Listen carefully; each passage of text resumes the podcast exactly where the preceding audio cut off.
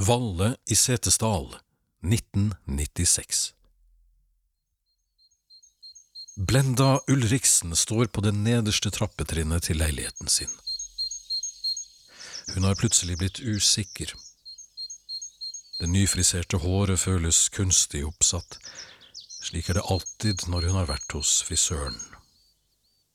Dessuten lukter hun som en parfymebutikk, synes hun selv. Var det virkelig nødvendig av frisøren å bruke akkurat den sjampoen?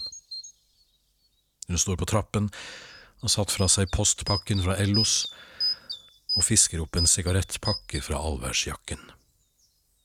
Hun skulle ha sluttet for lengst med dette tullet. Ikke bare smugrøykingen som hun på mirakuløst vis har greid å skjule for moren, men også håpet om et bedre liv enn dette. Blenda Ulriksen er 35 år, lukter ifølge henne selv denne tirsdagen som en fransk horete parfymebutikk, og tør ikke engang i langt framskreden alder å innrømme for sin egen mor at hun røyker. Nå må det snart bli en slutt på dette. Og så er det tanken på denne håpløse Tafat Pettersen. Tafat Pettersen er en vattnisse, tenker Blenda Ulriksen og setter seg på trappetrinnet.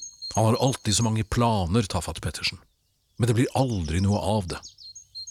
Han fabulerer om at en gang skal de gifte seg, at de skal kjøpe campingvogn, at de skal gå på den dyre restauranten i byen som det tar fem timer å kjøre til, ja, bare vent. Jo da, ja visst har hun ventet. Blenda Ulriksen synes hun har ventet på så mye i sitt liv.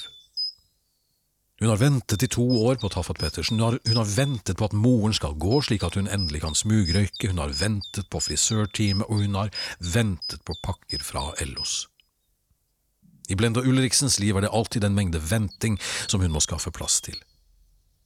Og hun kaster sigarettstumpen trassig ut i oppkjørselen. Den slukner vesen i en vanndam med et hysj, ikke så høyt. En gang i Norsk Ukeblad ved påsketider hadde det stått en artikkel om å realisere seg selv, som det sto. Ordene sto svarte og fete og ekle på det glansede papiret. Hun hadde mest lyst til å bla videre, for det var noe ubehagelig ved det hele. Men så ble hun likevel sittende og lese. Artikkelen tok utgangspunkt i skjebnen til en 32 år gammel kvinne fra Kinsarvik. Hun hadde blitt forlatt av sin mann, en feier. Og historien var tåredryppende. Mannen hun hadde forelsket seg i, hadde feid over mer enn bare piper, noe denne kvinnen hadde oppdaget en dag da han sa at han hadde vært ute og feid i kommunal tjeneste, men i stedet kom hjem og luktet fremmed etterbarberingsvann. Hun påpekte dette, og han brøt øyeblikkelig sammen og tilsto alt. Svart fra øre til øre fortalte han at han hadde falt for en annen feier. Han hadde blitt så tent av å se sin medfeier dra loddet opp på nesa han, og nå skulle disse to feierne inngå partnerskap og flytte til Mandal. Og den sønderknuste kvinnen hadde fått 500 kroner for å fortelle sin historie. Historien var ledsaget av et bilde av en mann med flosshatt, men som det sto, illustrasjonsfotoet har intet med de faktiske personene å gjøre. Og historien hadde antakelig, og naturlig nok, skapt stor oppstandelse både i Kinsarvik og i Mandal. Psykologen, som i ukebladet svarte den forlatte kvinnen, hadde begynt forsiktig, han hadde trøstet brevskriveren, bedt henne tenke framover, som han sa men deretter var det som om ordene til denne ukebladpsykologen hadde begynt å løpe fortere. Han snakket om at du har selv et valg. Setningene hans snirklet seg fra et innsmigrende du har kontrollen over din egen framtid, og til det forførende du trenger ikke engang oppfylle andres forventninger, og vet du, det er ikke engang nødvendig å bli likt av alle. Utropstegn. Blenda Ulriksen knuget ukebladet så det ble flekkete, og kjente en skamlig lyst og en brennende rødme, og hun fikk et intenst røyksug, men kunne ikke gi etter fordi moren sto på kjøkkenet og stekte plukkfisk. Ja, du burde virkelig satse på Tafat Pettersen, han er perfekt for deg, og dessuten så skal han kjøpe campingvogn, sa moren og kikket inn i stua. Det luktet kvalm plukkfisk lang vei. Blenda Ulriksen lukket bladet hastig, skyldbetynget og skjelven. Og siden den gang hadde hun ikke turt å tenke tanken en gang mer mens moren var til stede. Tafat Pettersen står på kjøpesenteret og har ikke råd til campingvogn, ikke denne gangen heller. Kasinomaskinen rumler som et sultent dyr. Så blir den mørk noen sekunder før den lyser opp. Pilene langs kanten viser vei til en sprekk på høyre side der det lyser 'Insert coin' i rød skrift. Tafat Pettersens veltrente spillefingre trykker instinktivt på go-knappen ni ganger på rad i ren refleks. En refleks som stammer fra den eventyrlige gangen da maskinen hostet to ganger, fortsatte sin ville ferd gjennom de tapte drømmenes verden, og plutselig ga seg til å spytte ut ti kroners mynter.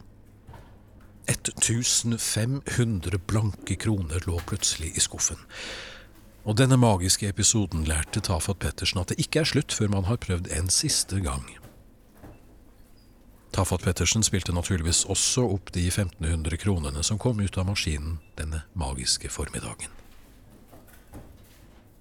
Og nå er runden slutt, og Tafat Pettersens slitte jakkelommer er tomme. Det er ikke forsvarlig å legge mer penger på nå. I alle fall ikke før kalenderen viser den 20. Tafat Pettersen vinner forresten veldig ofte nesten to millioner. Det hender nemlig rett som det er at skrapeloddene han kjøper, avdekker to like symboler der han utålmodig skraper i emulsjonen med tommelfingerneglen. Det tredje like symbolet mangler alltid. Men det gjelder jo bare å prøve, tenker Tafat Pettersen. Det kan like gjerne bli ham en dag. Og den dagen det skjer, da drar han rett til campingvognbutikken, ber om samtale med disponenten på egen hånd, og slenger loddet i bordet og sier nå kan du le nå. Når det gjelder en framtid med Blenda Ulriksen, er han mer pessimistisk. Han gikk bort til henne i dag og sa Blenda, den nye frisyren er virkelig fin. Jeg vet at jeg prater mye, men en gang skal vi definitivt dra på restaurant til den store byen det tar fem timer å kjøre til, og der skal vi spise ekte sushi. Det er rå fisk, Blenda, og det er det de gjør i de store byene, og her snakker vi ikke om plukkfisk. Blenda Ulriksen hadde sett stumt og avmålt på ham der hun sto med en LO-spakke under armen. Tafat Pettersen sparker irritert i grusen utenfor storsenteret. Han føler seg trøtt i kroppen og sår på fingertuppene, og han føler at han lider av tvangstanker. Tvangstanken, ja. Noen ganger føler Tafat Pettersen en ubendig trang til å si ting høyt. Og det hadde han da også gjort en gang. Pappa, jeg liker ikke å ta Eskimo rulle med kajakken, jeg får vann i nesen, hadde han sagt en gang da faren sto hoiende på stranden og ba ham føle seg som en mann. Det var siste gang Tafat Pettersen sa ifra til sin far om noe som helst. Faren ble ikke bare skuffet, han ble også sint. Er dette takken for at jeg forsøker å oppdra deg som en mann? Vann i nesen, du vet ikke å sette pris på friluftsliv, ekte menn tar eskimoruller, sa faren og fnøs. Men tvangstankene forsvant ikke, det ble bare verre, og verst var det i begravelsen da farens kiste ble senket i den svarte høstjorden. Da hadde Tafat Pettersen tvangstanker om at han plutselig, under jordpåkastelsen, skulle begynne å synge muntert. Og tvangstankene skrek til ham Gjør det, gjør det! med en så stor styrke at han måtte holde seg for ørene, og da var det flaks at det var en kald høstdag, slik at det ikke virket påtakelig å holde seg for ørene. Kirkekaffen smakte heller ikke godt. Taffat Pettersen hadde mest lyst til å skrike Samme gamle kokekaffen år etter år, men han hadde latt det være. Selvsagt hadde han latt være, for slike ting sier man ikke. Og nå for tiden har han plagsomme tvangstanker om Blenda Ulriksen. Han tenker forbudte tanker om at han skal gå bort til henne, se henne inn i øynene og si Jeg vet at du verken liker plukkfisk eller den nye frisyren du har. men frisyren din er jo ikke ny. Den er jo den samme du har hatt i 15 år, og du tør jo ikke noe annet. Men jeg, Tafat Pettersen, jeg skal få det til å tørre mer. Kom, røm med meg. Jeg kommer aldri til å vinne nok penger til campingvogn, men om du vil, så kan jeg i stedet synge for deg, jeg skal synge andre sanger enn den du har hørt før. Men Tafat Pettersen tør ikke. For det er jo virkelig å ha tvangstanker, og slike ting sier man ikke, tenker han, og finner til sin store glede en bortgjemt 20-krone i venstre bukselomme. Insert coin. Så da gjør han det, motvillig og skyldbetynget, og få minutter etterpå er også den bortgjemte mynten borte.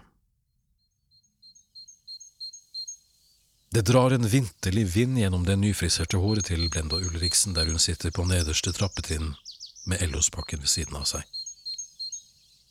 Irritasjonen over den sterke sjampolukten er ikke så irriterende mer. Hun reiser seg, låser opp døren og skritter inn i leiligheten.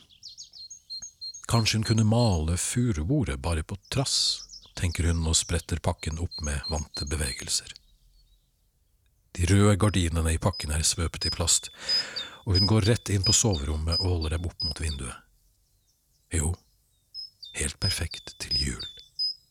Og der skal de ligge, julaftens kveld, hun og Tafat Pettersen foran gardinene og kjenner julefreden senke seg og rugbrødene heve seg. I alle fall håper hun det, hun har ikke bakt rugbrød på en stund nå. Men hun har låst nattbordskuffen. Ingen mann har noe i hennes nattbordskuff å gjøre. Der ligger Norsk Ukeblad fra en påske en gang, og det er eselører og flekker på side 54.